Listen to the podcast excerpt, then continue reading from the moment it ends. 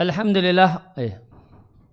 Alhamdulillah wassalatu wassalamu ala Rasulillah wa ala alihi wa sahbihi wa man tabi'ahum bi ihsanin ila yaumidin amma ba'id. Kaum muslimin dan muslimah rahimani wa rahimakumullah.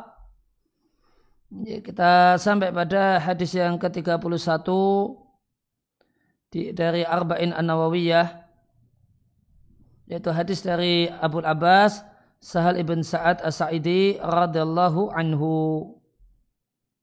Kita sampai pada halaman 170 tentang sahabat yang meriatkan hadis ini. Dia adalah Sahal ibn Sa'ad ibn Malik ibn Khalid As-Sa'idi Al-Ansari. Seorang sahabat yang mulia, anak dari seorang sahabat. Dan termasuk sahabat yang terkenal Nabi Shallallahu Alaihi Wasallam mengubah namanya. Dulu namanya ya, Hazanan. Kemudian Nabi ganti namanya menjadi Sahlan. Hazan itu artinya jalan yang menaik mendaki sulit. Sedangkan Sahal itu jalan menurun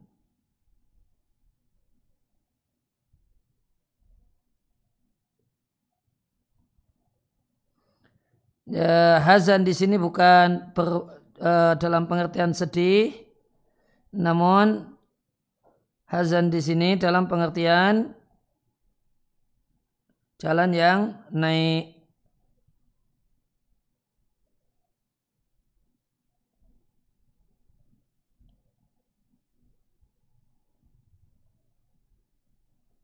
Ini al-haznu minal ardi, zanya disukun, ma ghaluda ma ghaluda. Uh, jalan yang kasar. Ini jalan yang kasar itu hazin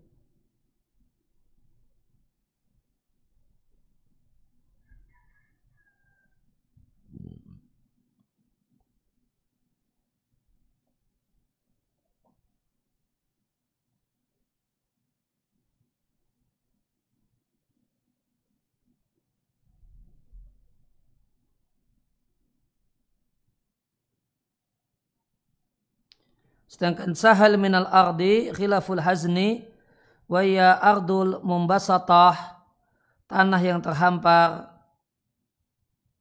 Ini tanah yang terhampar.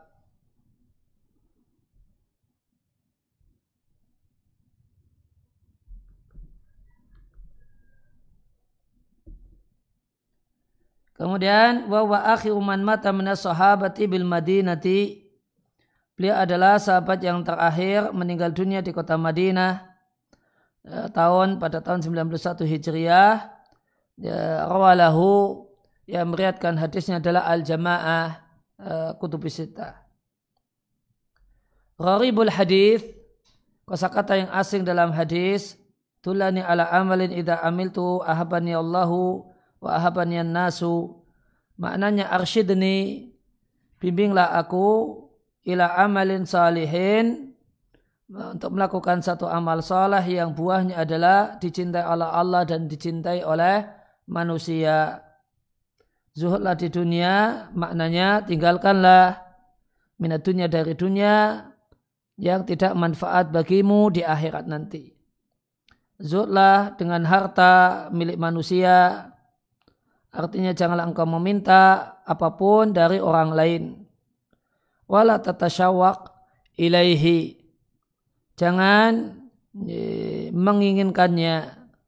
Jangan mengharapkannya. Kun ab'adan nasi. Jadilah ab'adan nasi orang yang jauh. Andalika dari hal itu. Yaitu keinginan untuk terhadap harta milik orang lain. Tema utama hadis ini adalah zuhud di dunia makna globalnya ada seorang datang menemui Nabi Shallallahu Alaihi Wasallam. Dan dia adalah seorang yang memiliki cita-cita yang tinggi dan memiliki jiwa yang abiyah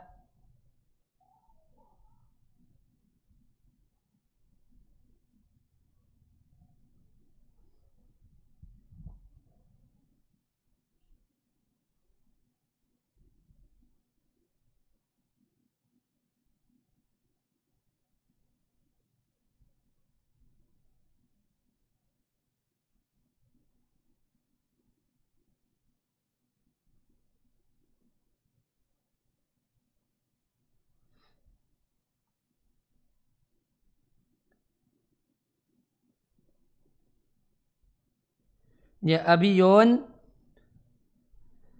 Adalah mutarafian an kulli ma yashinu nafsa. Ini orang yang tidak mau yang tidak ridha dengan uh, keadaan yang hina dan sesuatu yang uh, menjelekkan jiwa. Ya tidak merasa puas dengan hal yang buruk yang jelek. Menginginkan hal yang tinggi dan utama maka dia meminta kepada Rasulullah Sallallahu Alaihi Wasallam agar Rasul memberikan arahan dan bimbingan pada amal soleh yang jika dia kerjakan maka Allah dan manusia mencintainya. Maka Rasulullah Shallallahu Alaihi Wasallam memberikan arahan untuk meninggalkan fuduli dunia, dunia yang berlebihan dan tidak tanafus bersaing untuk mendapatkan uh, bunga dunia, namun mengambil dari dunia yang dia perlukan untuk agama dan dunianya. Maka jika dia lakukan hal itu maka Allah akan mencintainya. Wa arsyadahu aidan dan Nabi juga memberikan bimbingan kepadanya untuk takin nazar untuk tidak melihat harta yang ada di tangan manusia. Dan tidak hasad dengan manusia karena kelebihan yang telah Allah berikan padanya. Karena sifat manusia jika dimintai oleh orang lain jika ada orang yang meminta mafi aidihim, harta yang ada di tangannya, mereka marah. Mereka merasa berat dan mereka tidak suka. Nah ini ini kaidah jiwa, ini kaidah psikologi. Ini sudah menjadi kaidah jiwa manusia jika dimintai Ya, dimintai dan itu yang diminta adalah duit, harta. Maka ghadibu mereka marah. Mereka merasa berat, mereka tidak suka. Ya. Ya, maka memberikan uh, maka meminta harta itu lebih berat daripada minta bantuan tenaga gitu. Bantuan berpikir dan ide. Nah, ini yang lebih berat adalah minta uh, harta. Ya, maka yang terjadi adalah ghadibu mereka marah, istas kalau mereka merasa berat, dan mereka tidak suka. Maka jika seorang itu jauh dari hal itu, jauh dari apa? Meminta-minta harta. Maka manusia, maka masyarakat akan mencintainya, mencarinya, dan mendekat kepadanya.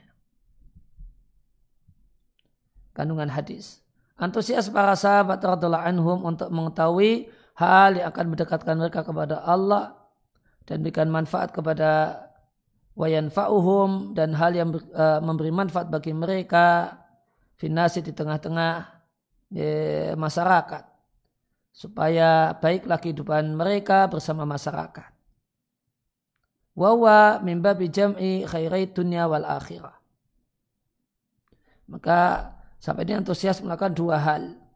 Yaitu hal yang mendekatkan kepada Allah dan hal yang memberikan manfaat bagi uh, untuk uh, ya, untuk mereka berkenaan dengan sikap terhadap masyarakat. Dan ini dilakukan dalam rangka untuk menggabungkan dua kebaikan, kebaikan dunia dan kebaikan akhirat.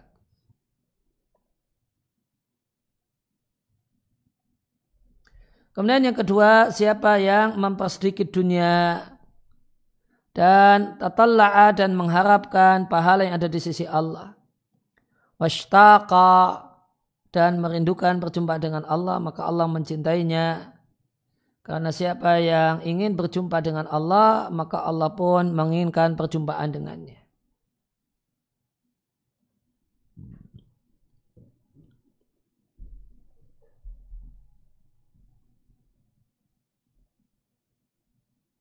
Ya, kemudian yang ketiga adalah ada mutatalu'i tidak menginginkan harta yang ada di tangan manusia.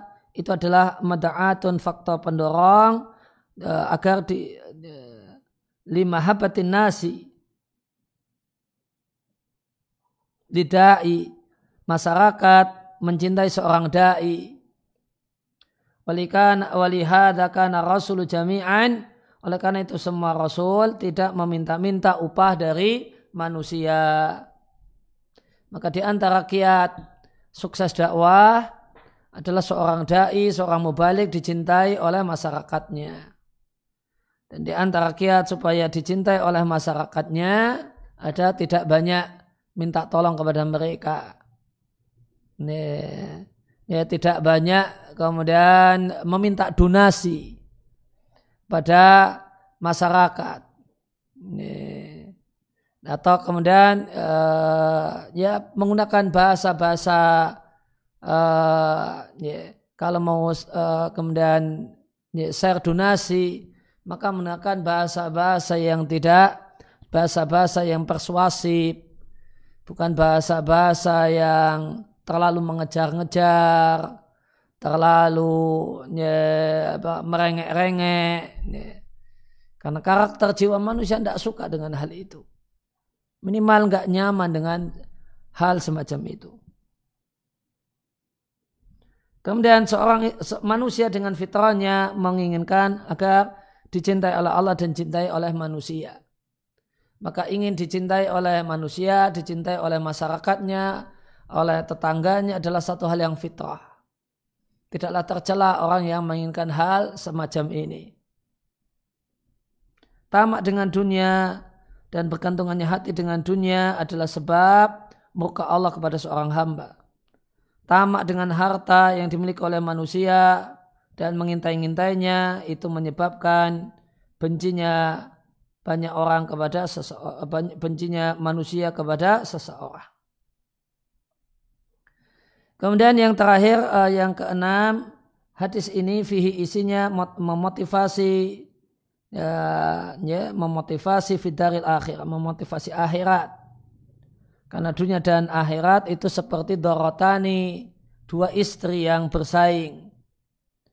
Ya, siapa yang meninggalkan dunia, ya, maka dia akan menginginkan akhirat dan siapa yang mencintai dunia ya, maka dia tidak akan punya minat kuat terhadap akhirat.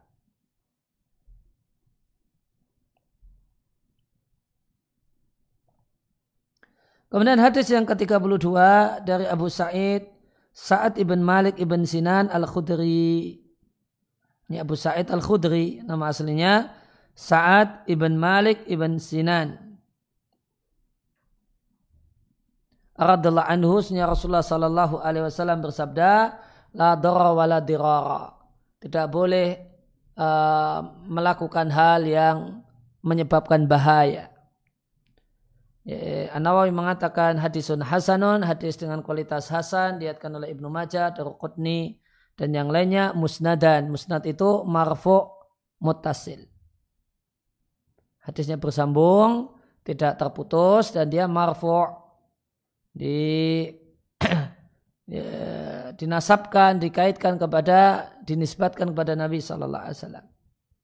Dan di sini diatkan Imam Malik dalam watak secara mursal.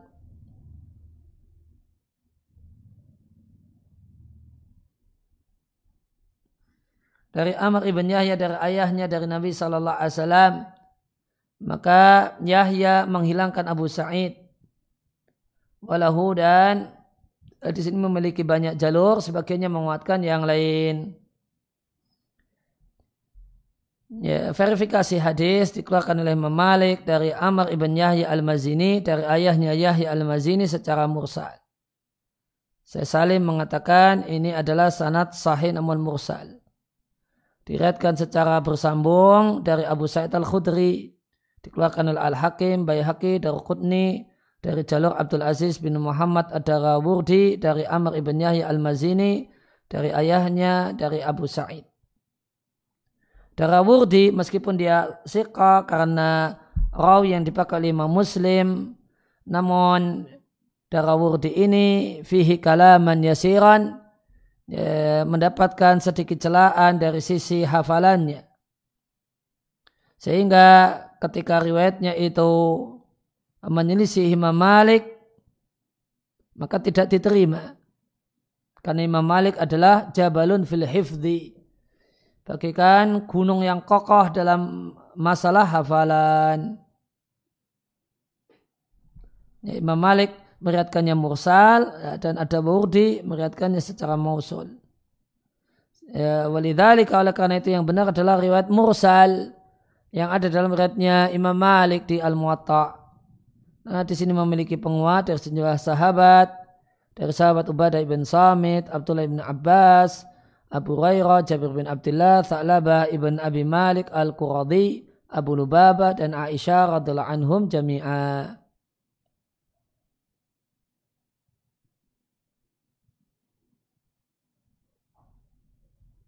Dan telah lengkap guru kami Hafidul Waqti Eh, pakar hadis di zamannya Syamatu Syam.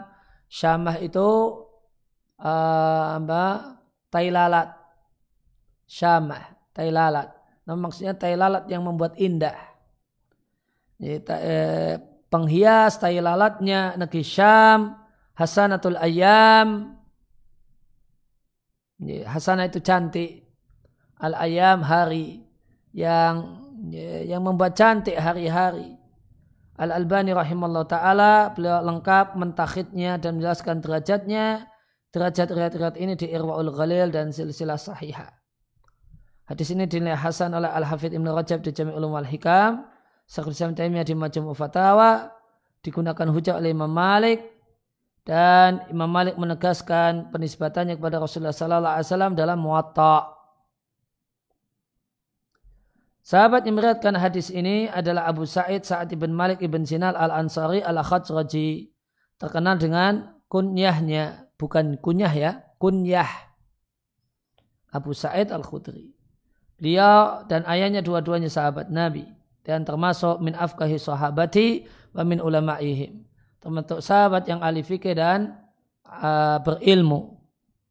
Wa nujabaihim wa fudola'ihim. Fudola' uh, mulia dan utama uh, nujaba jamak dari najib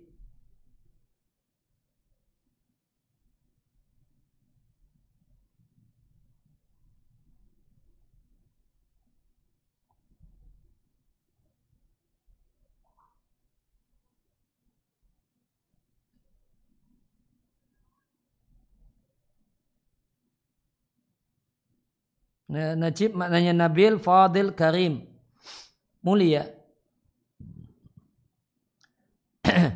Ayahnya terbunuh pada saat perang Uhud. Sedangkan Abu Said sendiri tidak mengikuti perang Uhud karena masih kecil. Peperangan yang pertama kali dihadiri adalah Khandaq. Beliau banyak mengambil riwayat hadis dari Rasulullah Sallallahu Alaihi Wasallam.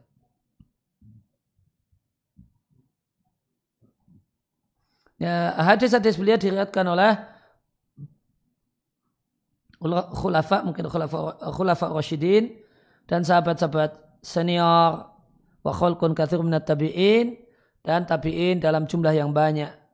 Hadisnya diriatkan Bukhari dan Muslim dan Ashabu Sunan yang empat.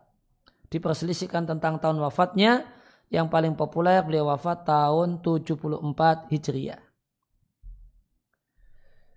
Ya, makna apa kosakata asing dari hadis apa beda darar sama dirar? La darar, darar itu manfiyun syar'an. Ya, darar bahaya itu satu hal yang ditiadakan, tidak ada dalam syariat. Dirar, walam tak saling menimbulkan bahaya.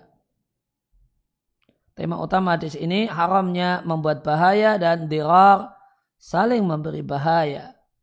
Atau nanti ada penjelasan tentang Eh, pendapat-pendapat uh, ulama tentang makna dan maksudnya. Di makna global, Rasul Sallallahu Alaihi Wasallam menginformasikan bahasanya syariat yang al-mubin, yang jelas, ya, meniadakan bahaya darar dan dirar. Para ulama membedakan dua kosakata ini min wujuhin dari beberapa sisi. Pendapat pertama, doror itu bahaya yang terjadi tanpa sengaja. Sedangkan dirar, bahaya yang yasulu terjadi, bikostin dengan sengaja. Yang kedua, dirar itu bahaya yang lebih besar daripada doror. Uh, doror adalah uh, tindakan yudkhila ala ghairihi memasukkan pada orang lain dororon bahaya. Ya, namun dalam perkara tersebut bima yantafi'u huwa bihi. Namun dalam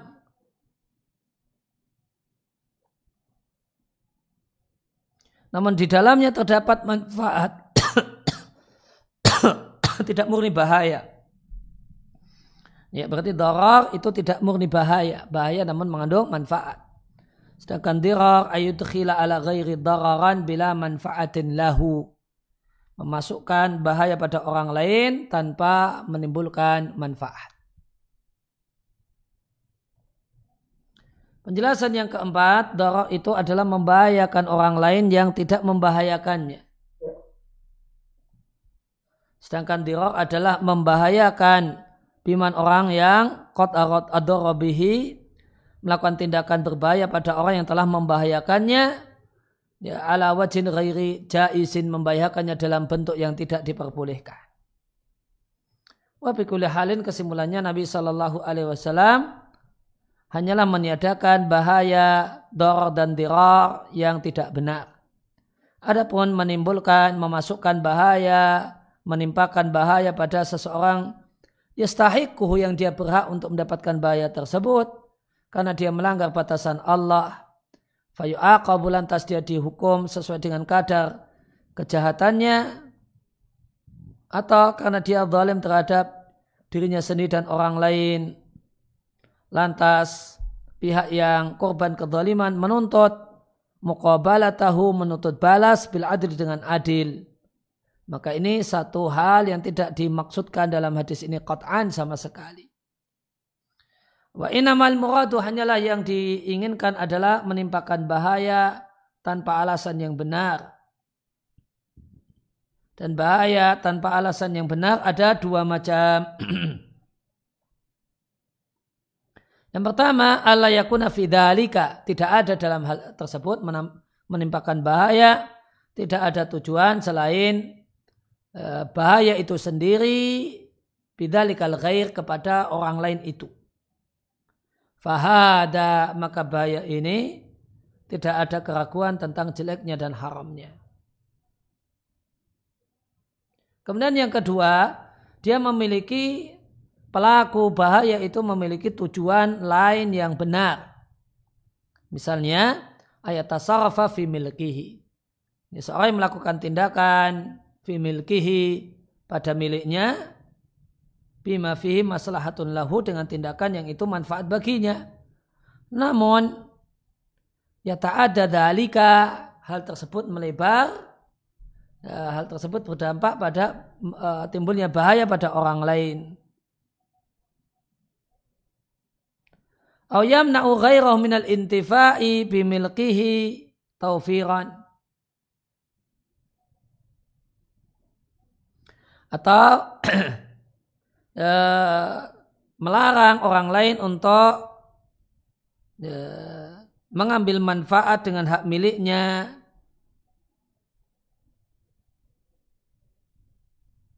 Taufiran.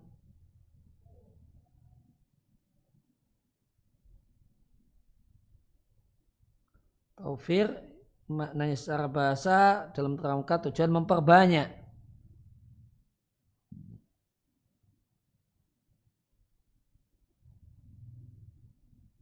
Iya, memperbanyak.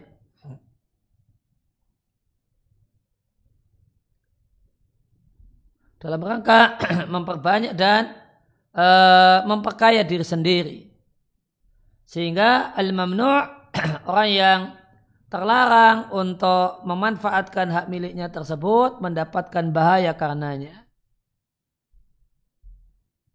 Kandungan hadis. Yang pertama, syariat Islam itu menghilangkan kesempitan dalam semua bentuknya dan macam-macamnya dari umat. Kemudian menimpakan bahaya pada orang lain itu haram dengan semua bentuknya dan modelnya. Wa yudulu ala dhalika dalil hal ini adalah Karena larangan menimbulkan doror itu mutlak. Walam yuqayyad tidak dibatasi dengan hal-hal tertentu. Namun mutlak. Ya, dibuat lepas tanpa persyaratan tertentu. Tanpa kriteria tertentu. Berarti semua doror itu terlarang. Dan di antara hal yang menjadi tujuan hadis adalah melarang doror dan itrar. Melarang menimbulkan bahaya. Dengan mencegahnya sebelum terjadinya dan menghilangkannya jika telah terjadi.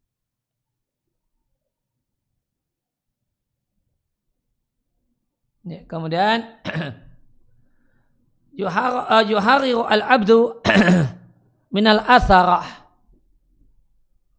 Ya, maka hendaknya seorang itu memerdekakan dirinya dari asarah. Ya, asarah itu kebalikan dari isar.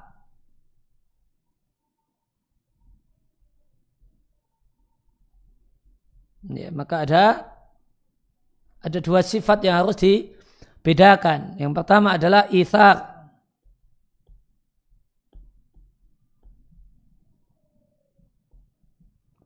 Kemudian yang kedua adalah asarah.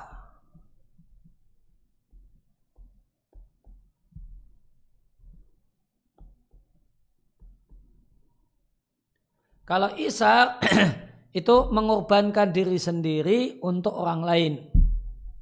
Kalau asarah mengorbankan orang lain untuk diri sendiri. Hmm. Maka orang lain jadi korban, yang penting dirinya untung. Yang, yang penting dirinya nyaman. Yang penting dirinya selamat meskipun dengan mengorbankan orang lain. itu beda. Ya, itu pengertian asara. Ya maka seorang hamba hendaknya membebaskan dirinya dari asara. Sikap ya, mencari keuntungan untuk diri sendiri meskipun dengan tega mengorbankan orang lain. Wala titakunu ghaliban yang ghaliban biasanya yang namanya athara itu ala hisabi ghairihi minan nasi. Dengan ala hisab, hisab itu mengorbankan. Ghairi minan nasi manusia lain. Ala hisab itu mengorbankan. Yang biasanya yang namanya athara itu mengorbankan orang lain. Jadi athara itu yang pokok itu adalah dirinya untung. Nah supaya dirinya untung, galiban umumnya orang lain dirugikan. Nah ini tidak boleh. La doror, tidak boleh merugikan orang lain.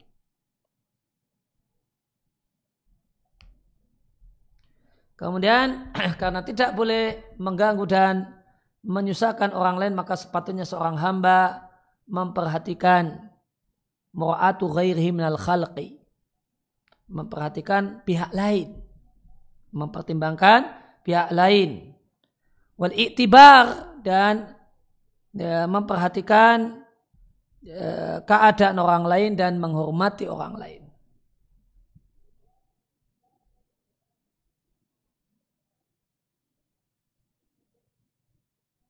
Ya, kemudian hadis ini menanamkan uh, rasa cinta, kasih sayang, dan rasa cinta di antara kaum muslimin. Dan menguatkan ikatan persaudaraan karena iman. Karena hadis ini mengajarkan untuk mengilgha, menghilangkan, menihilkan bahaya. Dengan berbagai macam bentuknya. Kemudian hadis ini adalah kaidah yang kuliah bersifat general, luas cakupannya Firaf il haraj untuk menghilangkan kesempitan dan mengharamkan bahaya. Maka semua yang mengandung doror atau idrar, semua yang mengandung bahaya atau dia membahayakan orang lain, itu hukumnya haram menurut syariat. Kemudian yang kedelapan, Allah subhanahu wa ta'ala tidak membebani hambanya untuk melakukan hal yang membahayakan mereka. Albatta sama sekali. Karena semua yang Allah perintahkan kepada mereka itu adalah ainu solah idinihim. Adalah kebaikan agama dan kebahagiaan dunia itu sendiri. Wa manaham anu dan semua yang Allah larang itu adalah karena memang itulah uh, kerusakan agama dan itu adalah kejelekan dan kerusakan agama dan dunia itu sendiri.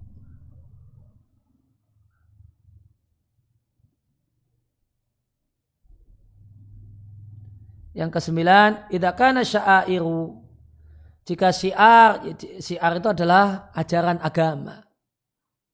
Jika syiar yaitu ajaran agama itu menimpakan bahaya kepada seseorang, maka eh, ajaran agama tersebut gugur anhu dari seseorang sesuai dengan keadaannya. Semisal isqatit toharati, dihilangkannya kewajiban toharah, bersuci dari orang yang sakit.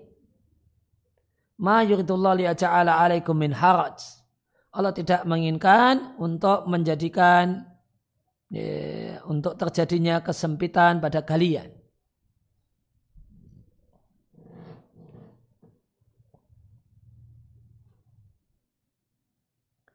Ya, uh, maka tentu hilangnya uh, uh, iskot gugurnya tohara di sini tohara air maksudnya. Maka ketika orang itu sakit dan tidak memungkinkan untuk menggunakan air, toharoh air itu gugur digantikan dengan kewajiban tayamum. Kemudian digugurkannya kewajiban puasa dari orang yang sakit dan bepergian. Allah Ta'ala berfirman, Yuridullah bikumul yusr wa la yuridu bikumul usr. Allah menginginkan kemudian bagi kalian dan tidak menginginkan kesulitan bagi kalian.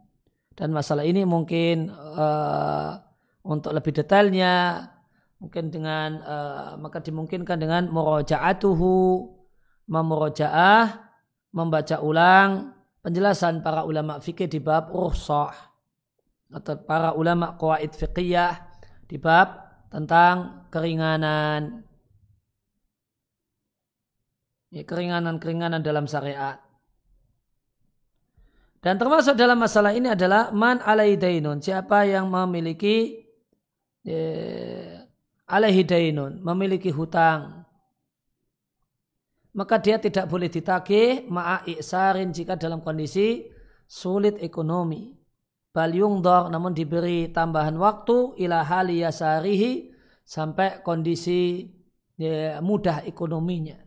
Allah Ta'ala berfirman wa in kana du'usratin fanadiratun ila maisarah.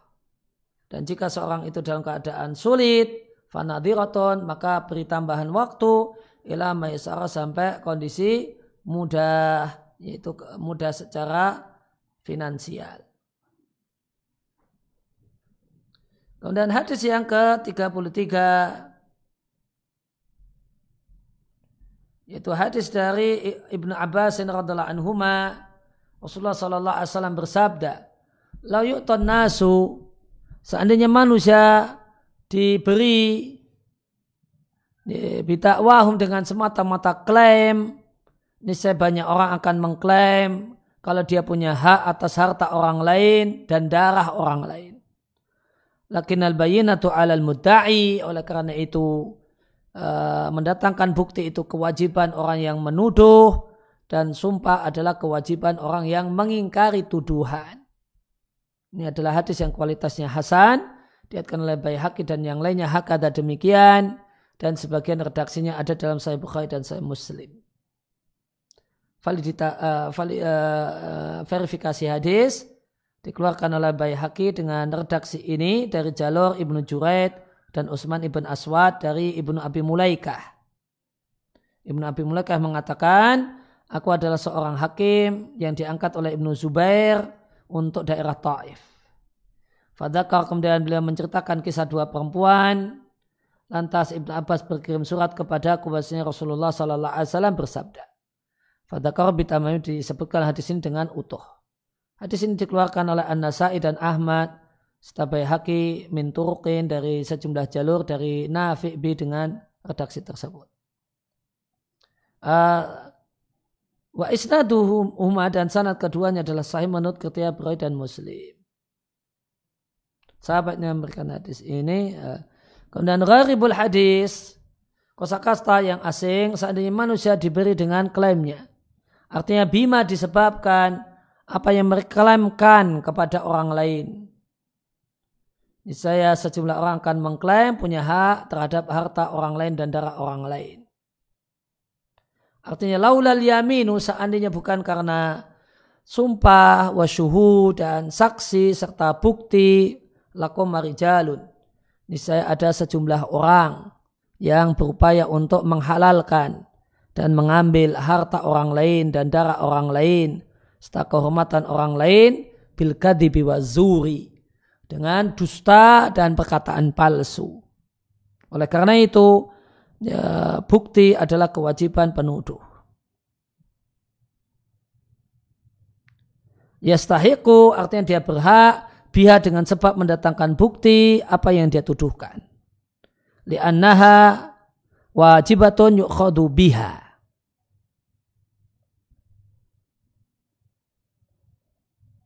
Ya, karena karena bukti itu satu hal yang wajib. Ya, yuk biha yang uh, hak itu bisa diambil biha dengan bukti. Namun sumpah kewajiban orang yang menolak tuduhan maka dia bebas biha dengan sumpah li'annaha wajibatun karena wajib atasnya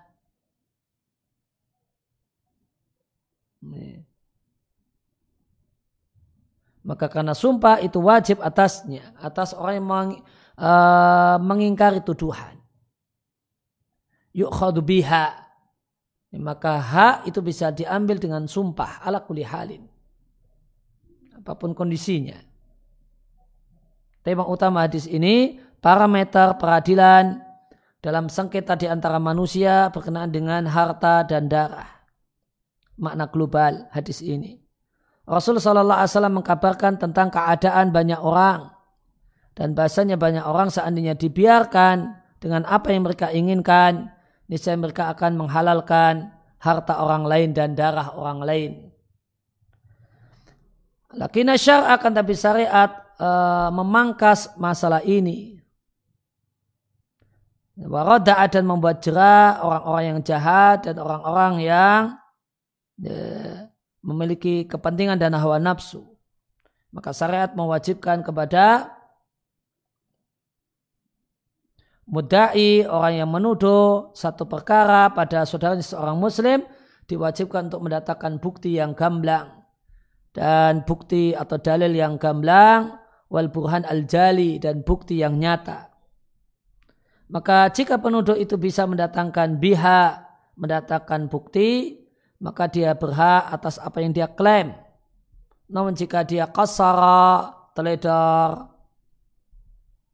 dalam pengertian tidak bisa mendatangkan bukti, maka wajib sumpah atas orang yang dituduh, supaya dia bisa mencegah dan melindungi harta dan darahnya serta kehormatannya. ya supaya tercegah ya, dan terlindungi darahnya, hartanya, darahnya dan kehormatannya tercegah karena sebab asubahah. Ya. Dalih. Jadi kodi akan menilai ini tuduhan tanpa bukti, kemudian ini yang menolak tuduhan itu kemudian bersumpah, maka sumpah itu bukan bukti nyata. Sumpah itu, itu bukan bukti nyata kalau yang benar adalah pihak yang menolak tuduhan. Namun statusnya adalah subhat. Namun statusnya adalah subhat. Hal yang membuat ragu. Hal yang membuat ragu gitulah kurang lebih subhat di sini hal yang menimbulkan keraguan. Dia tidak bisa mendatangkan bukti, ini penuduh tidak mendatangkan bukti, kemudian ada sumpah. Maka sumpah ini membuat keraguan terhadap tuduhan. Adanya sumpah ini menyebabkan e, tuduhannya itu meragukan. Dia nggak bisa mendatangkan bukti, kemudian ini sumpah. Jadinya kita ragu-ragu. Benarkah tuduhan ini? Karena orang ini berani nyebut nama Allah. Kalau ini bukan hak orang itu. dia mengaku-ngaku sesuatu yang tidak menjadi haknya. Nah ini menyebabkan subhat keraguan terhadap kebenaran uh, penuduh. Wabihi maka dengannya terjagalah uh, hartanya, darahnya dan kehormatannya. Ibnu Mungdir di kitabnya Ali Jemak mengatakan para ulama sepakat bahasanya bukti adalah kewajiban penuduh sedangkan sumpah adalah kewajiban orang yang dituduh.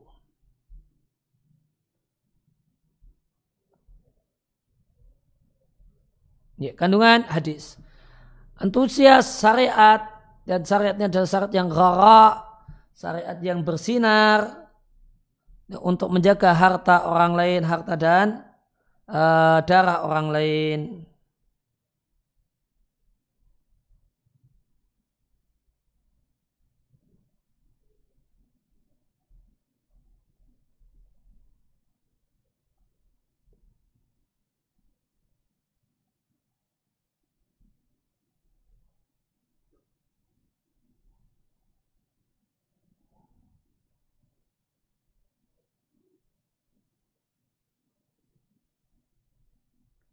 Uh, kalau misalnya cari darara itu terhormat masyhur Madinah tuh Rara ya, kota yang indah.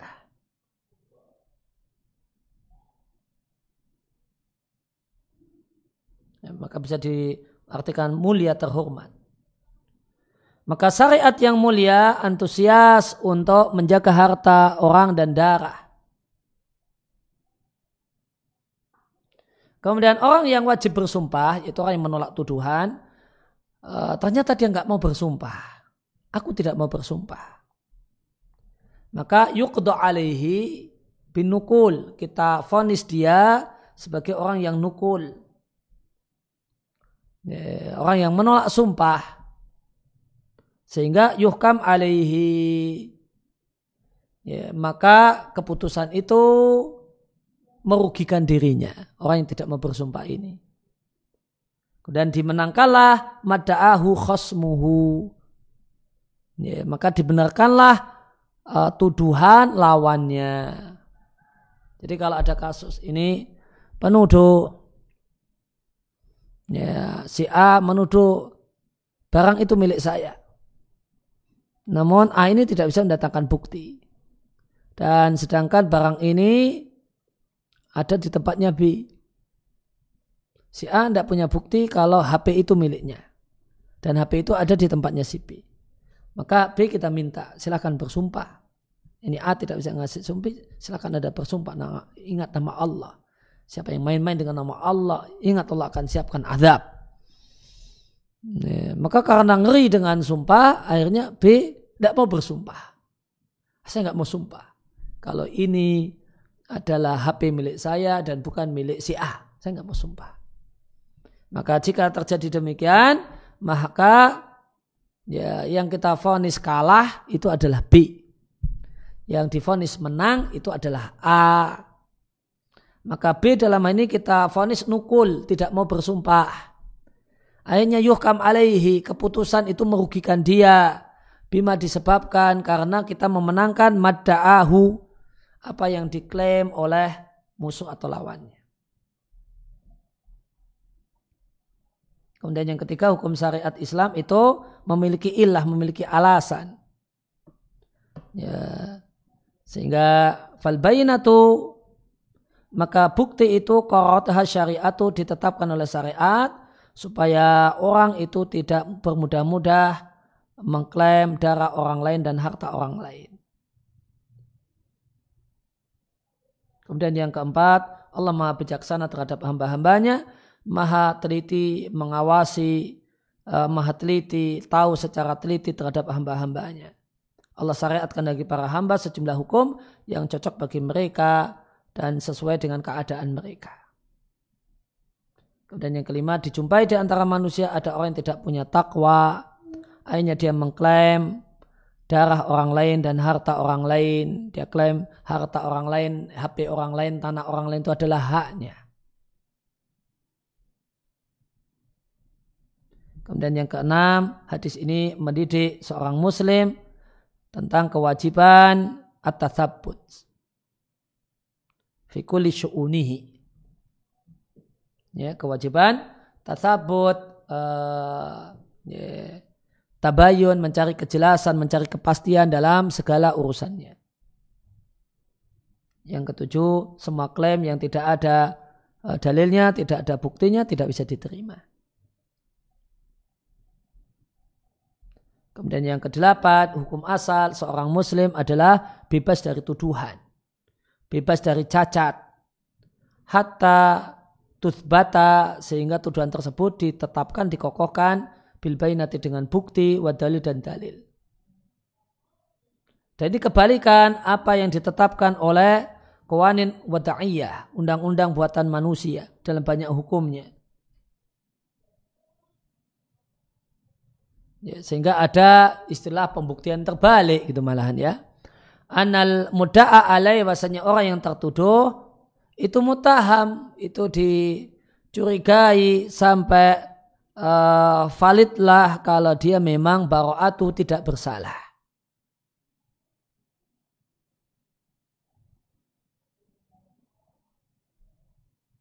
Ya, namun di sisi yang lain uh, memang ada asas praduga tidak bersalah. Ya, kalau kalau asas praduga tidak bersalah maka ini sesuai.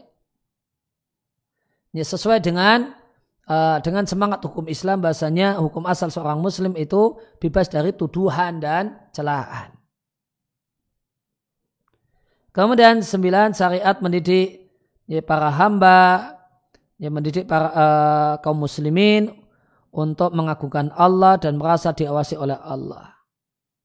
Walidhalika oleh karena itu dicukupkan min muda'a alaih dari orang yang uh, dituduh semata-mata bersumpah menyebut nama Allah. Karena hukum asal seorang muslim dia memuliakan Allah dan dia memuliakan sumpah dengan nama Allah. Kemudian hadis ini adalah aslun fi babil qada'i adalah kaidah atau dalil uh, kaidah penting dalam peradilan.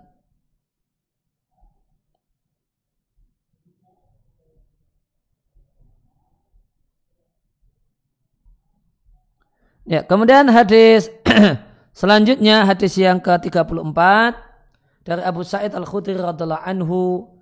Beliau mendengar Rasulullah sallallahu alaihi wasallam bersabda siapa di antara kalian yang melihat kemungkaran maka adalah dia mengubahnya dengan tangannya. Jika tidak mampu hendaklah dia ubah dengan lisannya. Jika tidak mampu dia hendaklah dia ubah dengan hatinya. Namun dalika hal itu mengubah dengan hati adalah selemah-lemah iman diatkan oleh muslim Uh, verifikasi hadis, hadis ini dikeluarkan oleh Muslim dan hadis ini adalah kaidah tentang mengubah kemungkaran. Oleh karena itu maka ulama menilai hadis ini termasuk hadis yang alaiha madaruddini menjadi poros agama. Hatta kila sehingga dikatakan bahwasanya hadis ini adalah syatru syariati. Setengahnya syariat. Balkila bahkan dikatakan bahasanya Islam seluruhnya adalah ada dalam hadis ini karena Islam boleh jadi adalah kebaikan yang wajib diperintahkan atau kemungkaran yang wajib dilarang.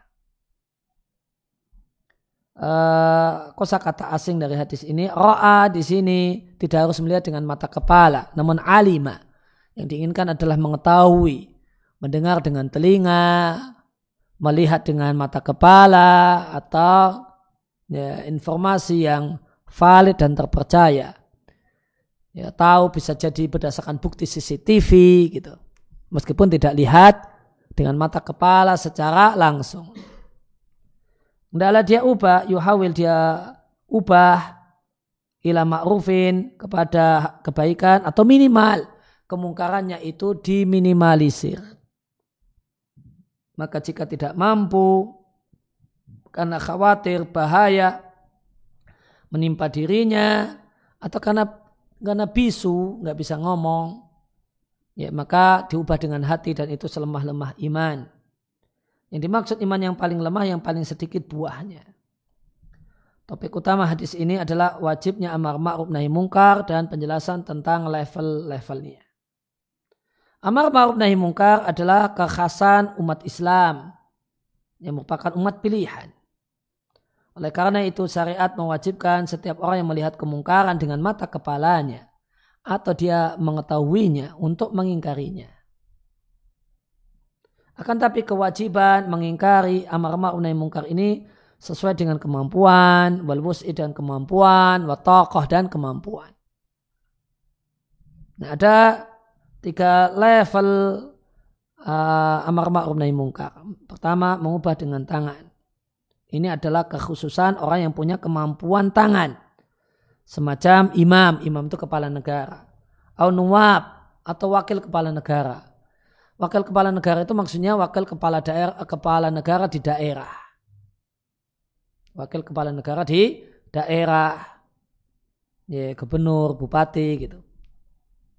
Atau seorang kepala rumah tangga di rumahnya.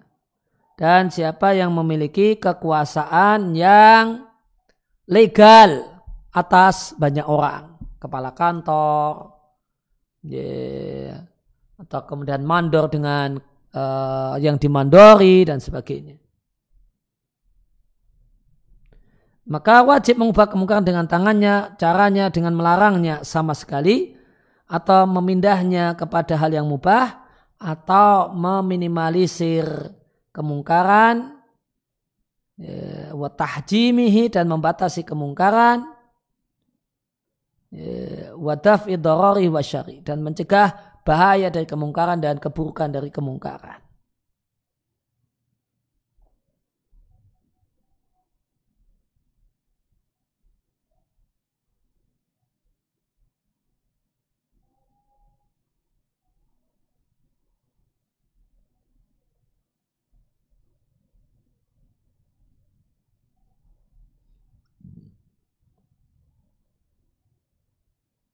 Niat tahjim menghalangi. Ja'al alaih hijam. Ya, dia uh, memasang penghalang. Pada level yang ke kedua adalah mengubah dengan lisan. Dengan menjelaskan kepada pelaku kemungkaran. Bahasanya apa yang yakumubi yang dia lakukan itu haram. Dan kemungkaran. Uh, wa yugdibullaha membuat Allah murka dan adalah dia ingatkan pelaku kemungkaran dengan dia katakan, bertakwalah kepada Allah, tinggalkanlah hal itu atau kalimat semacam itu. Maka termasuk dalam hal ini adalah menjelaskan dampak negatif maksiat dan dampak dosa. Maka fa'ina dalika, maka menjelaskan dampak buruk maksiat itu adalah bentuk mengubah kemungkaran dengan lisan. Dan level yang ketiga, mengubah kemungkaran dengan hati. Dan ini adalah menjadi kewajiban setiap muslim dalam semua kondisi. Wa wa alama ya, wa ayu yaitu dia memberitahukan kepada Allah. Atau ayat Allahu min qalbihi. Allah mengetahui hatinya. Bahasanya hatinya itu benci tidak suka dengan kemungkaran. Baik kemungkaran yang dia saksikan dia lihat atau dia ketahui maka siapa yang melihat sebuah kesalahan kemudian tidak menyukai kesalahan tersebut dengan hatinya, maka dia seperti orang yang tidak menyaksikan kesalahan itu. Jika memang dia tidak mampu mengingkari dengan tangan atau dengan lisannya. Wahadil martabatu dan level ini, level yang ketiga ini adalah iman yang paling lemah. Ya, iman yang paling lemah adalah ketidakmampuan untuk mengubah kemungkaran kecuali dengan hati. Ya, kandungan hadis yang pertama wajibnya mengubah kemungkaran dengan semua sarana yang memungkinkan. Memungkinkan di sini bukan memungkinkan menurut kenyataan, namun memungkinkan menurut pertimbangan syariat. Bahwa ala darojatin dan itu ada beberapa level. Kemudian amar ma'ruf nahi mungkar adalah tanggung jawab setiap individu umat Islam. Karena Nabi mengatakan siapa saja yang melihat kemungkaran. Berarti ini tanggung jawab setiap orang. Wa kullun bihasabihi. Masing-masing sesuai dengan kondisinya. Kondisi ilmunya, kondisi otoritas dan kekuasaannya, dan yang lainnya.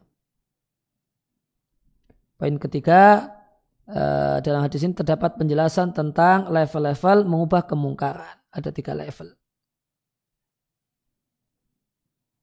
Yang pertama adalah ingkar dengan tangan, eh, yang alif adalah ingkar dengan tangan dan lisan.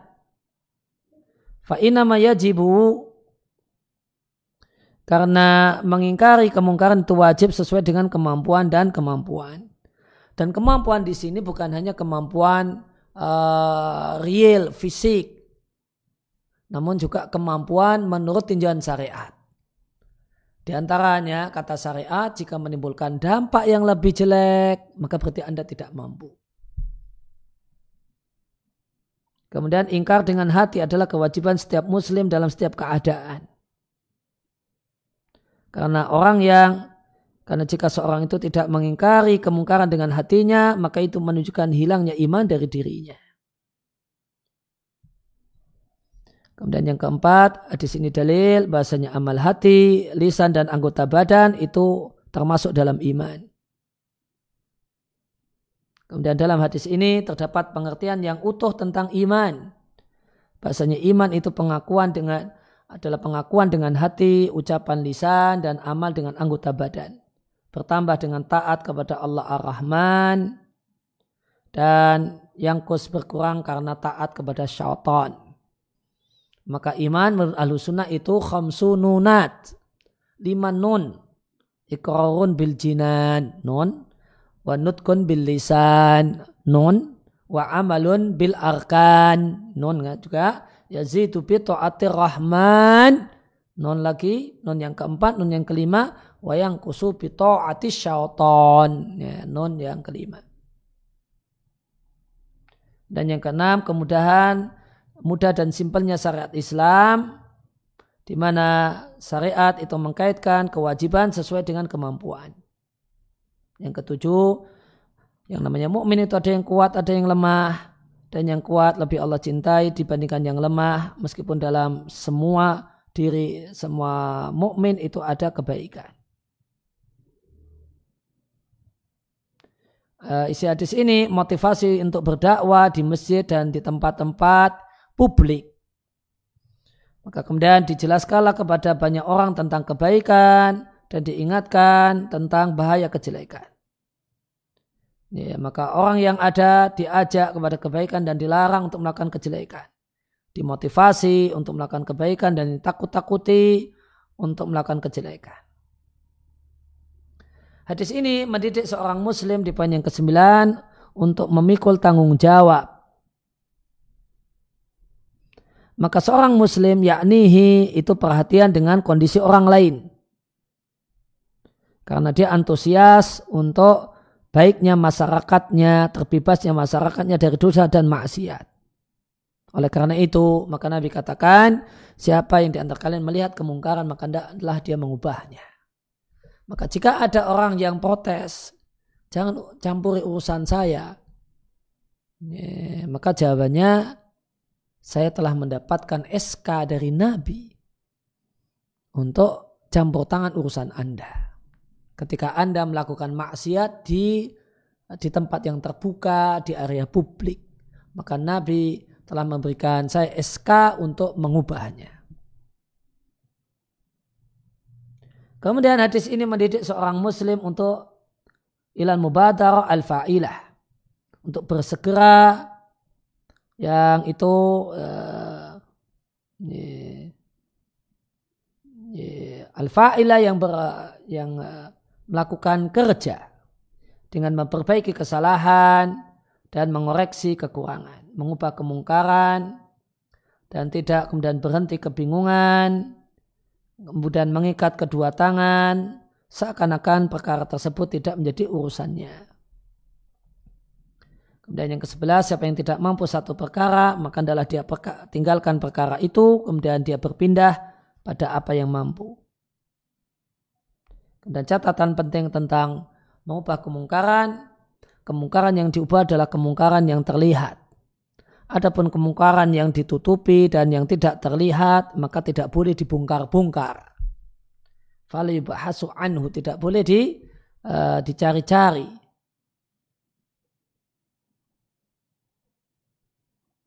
Oleh karena itu maka tidak boleh uh, tasannut alal mukalama al hatifiyah. Uh, pembicaraan dengan telepon. Mukalama hatifiyah.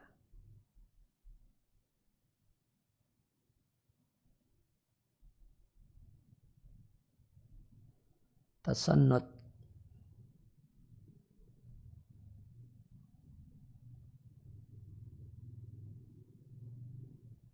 Tasannata itu istarqas sam'a. Nguping. Maka tidak boleh nguping pembicaraan, baik telepon yang dilakukan oleh orang lain. Meskipun orangnya kemudian mojok di gelap-gelap itu uh, nelpon apa sih? Kalau tidak ada dengar hal yang mencurigakan dan yang membahayakan, maka tidak boleh nguping. Atau tatabuk lil aurat atau mencari-cari uh, aurat kejelekan. Karena siapa mencari kejelekan seorang muslim, maka Allah akan cari-cari kejelekannya. Lantas Allah permalukan dirinya meskipun dia ada di tengah di dalam rumahnya. Ya, demikian yang kita kaji kesempatan kali ini ala nabiyina Muhammadin وعلى آله وصحبه وسلم. وأرضانا أن الحمد لله رب العالمين. سبحانك اللهم وبحمدك أشهد أن لا إله إلا أنت أستغفرك وأتوب إليك.